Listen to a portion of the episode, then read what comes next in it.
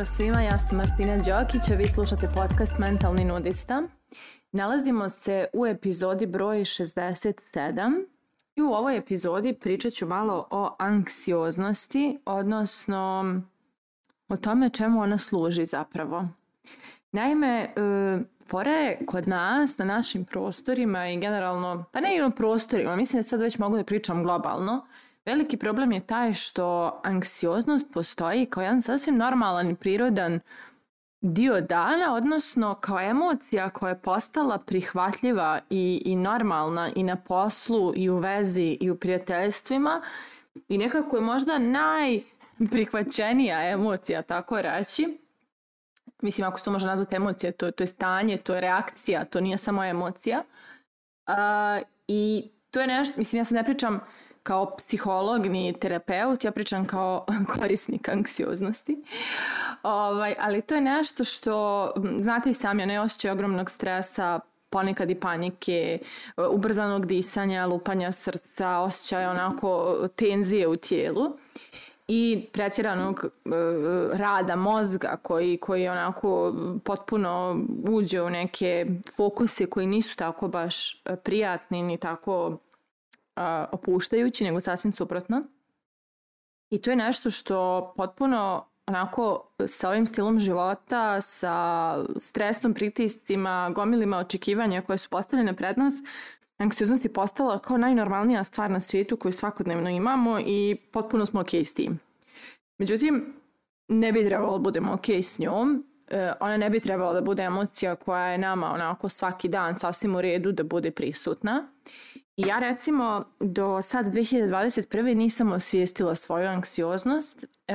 jer 2021. je ona dostigla, dostigla neki novi nivo u mom životu. Kao što sam spominjala više puta, e, prethodna godina je bila prilično krupna za mene kad je u pitanju moje mentalno zdravlje jer sam nakon smrti prijatelja ja bila trigerovana, to jest to me trigerovalo da ja završim u depresiji Nakon depresivne epizode bila sam dobro. Onda je umrla još jedna draga osoba koju znam od djetinjstva, mojih godina. I e, nekako je to trigerovalo neki novi nivo stresa u meni, a da ne pričam da je li prethodna godina počela sa ogromnim zemljotresom koji se desio e, u Hrvatskoj, ali to je bilo jako blizu Banja Luke vazdušnom linijom, tako da sam ja taj zemljotres i tekako osjećala, osjetila i sve koji su bili oko njega. I da je nekako cjelokupna godina bilo nekim stresovima i potresima i ovim simboličnim i ovim pravim. I ja sam nekad tamo u oktobru počela da imam problema sa spavanjem nisam nikako mogla da zaspim, da se odmorim ili zaspim pa se probudim, pa onda ne mogu da zaspim. Ili ako uspijem da zaspim, ne upadnem u dubok san, nego ostanem onom nekom snu kojem kao da prerađujem cijeli dan koji se desio i ponovo živim što, sve što se desilo i kao da nisam ni spavala, nego se budim umorna. Pored tog poremećaja sna, počelo da se dešava da me stresiraju stvari koje su sitnice bile za mene ranije. Neka poruka, neki mail, ne, ne, neka odluka koju treba da donesem, nešto. Odjednom bi to u meni budilo onaj osjećaj treme, tako je nekako najlakše to opišem, da, da mi srce lupa, da se mi plitko dišem, da bukvalno osjećam neku vrstu panike ili napetosti, stresa, ne znam ni sama kako najbolje da to verbalizujem počela sam da shvatim da se nešto sa mnom ozbiljno dešava, ali nisam tad mogla da detektujem šta je to, jer toliko je nekih tuga e, bilo da se obradi i toliko šokova da čovjek više ne nashvati šta je tu normalno, šta nije u tom datom trenutku. I, uh, I onda sam zapravo u jednom trenutku shvatila da ja imam napade anksioznosti praktično i da uh, od tih gubitaka koji su se desili Um, moj um je potpuno otišao u, u, u pravcu strahova i pokušaja da predvidi šta sledeće može loše da se desi, a da ja nekako to predupredim. I ta distorzija mog uma e, je počela da izaziva anksioznost, odnosno počela da me stavlja u jako loše stanje. A ono što se takođe desilo je da sam ja paralelno ili počela da radim na nekim svojim ozbiljnijim obrazcima koji su ostali kao posledica mog djetinjstva koje je prilično traumatično bilo. Počela sam da radim na svom people pleasingu koji, je, koji me gušio na, na raznim nekim poljima, e, na slušanju svojih potreba koje nisam ranije slušala i tako dalje, jer to ide jedno uz drugo, ruku uz ruku. I, uh, e, jeli, dešavalo se to da radim na sebi, a s druge strane da imam te e, napade anksioznosti. Da bih u nekom trenutku ja zapravo shvatila da je anksioznost meni uvijek i u svakom trenutku bila signal kada ja odreagujem po principu people pleasera. Odnosno, te poruke koje su me stresirale, ti mailovi, ti neki, te, te neke odluke, sve je to bilo u trenucima kad bih ja zanemarivala svoje, birala, znači kada bih birala po, po nekom automatizmu kako sam čitav život i funkcionisala jel, kao people pleaser, kada bih birala da uradim nešto iz uloge people pleasera, znači iz, iz uloge onoga ko ne sluša svoje potrebe, nego gleda kako da zadovolji tuđe preko svojih. I kada god bih po automatizmu upala u tu vrstu reakcije, mene je moja anksioznost opominjala da gazim po sebi i da moram jeli, da, da zakočim. Trebalo mi vremena da to povežem i da shvatim da je anksioznost zapravo postala signal koji me upozorava da gazim svoje potrebe, a onda sam nedugo nakon tog te spoznaje zapravo saznala da je anksioznost upravo to signal da gazimo svoje potrebe. Ne samo u mom slučaju, nego u slučaju e,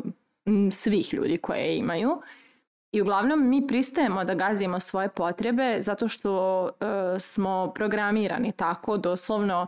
da slušamo autoritete, da nema lakšeg načina nego mora ovako ili onako, da moramo da istrpimo jer ne može drugačije, da, se, da prosto živimo sa osjećajima ugroženosti jer kao nema drugog načina, nema načina da živim nego moram da preživljavam, nebitno na polju karijere, financija, odnosa, nečega.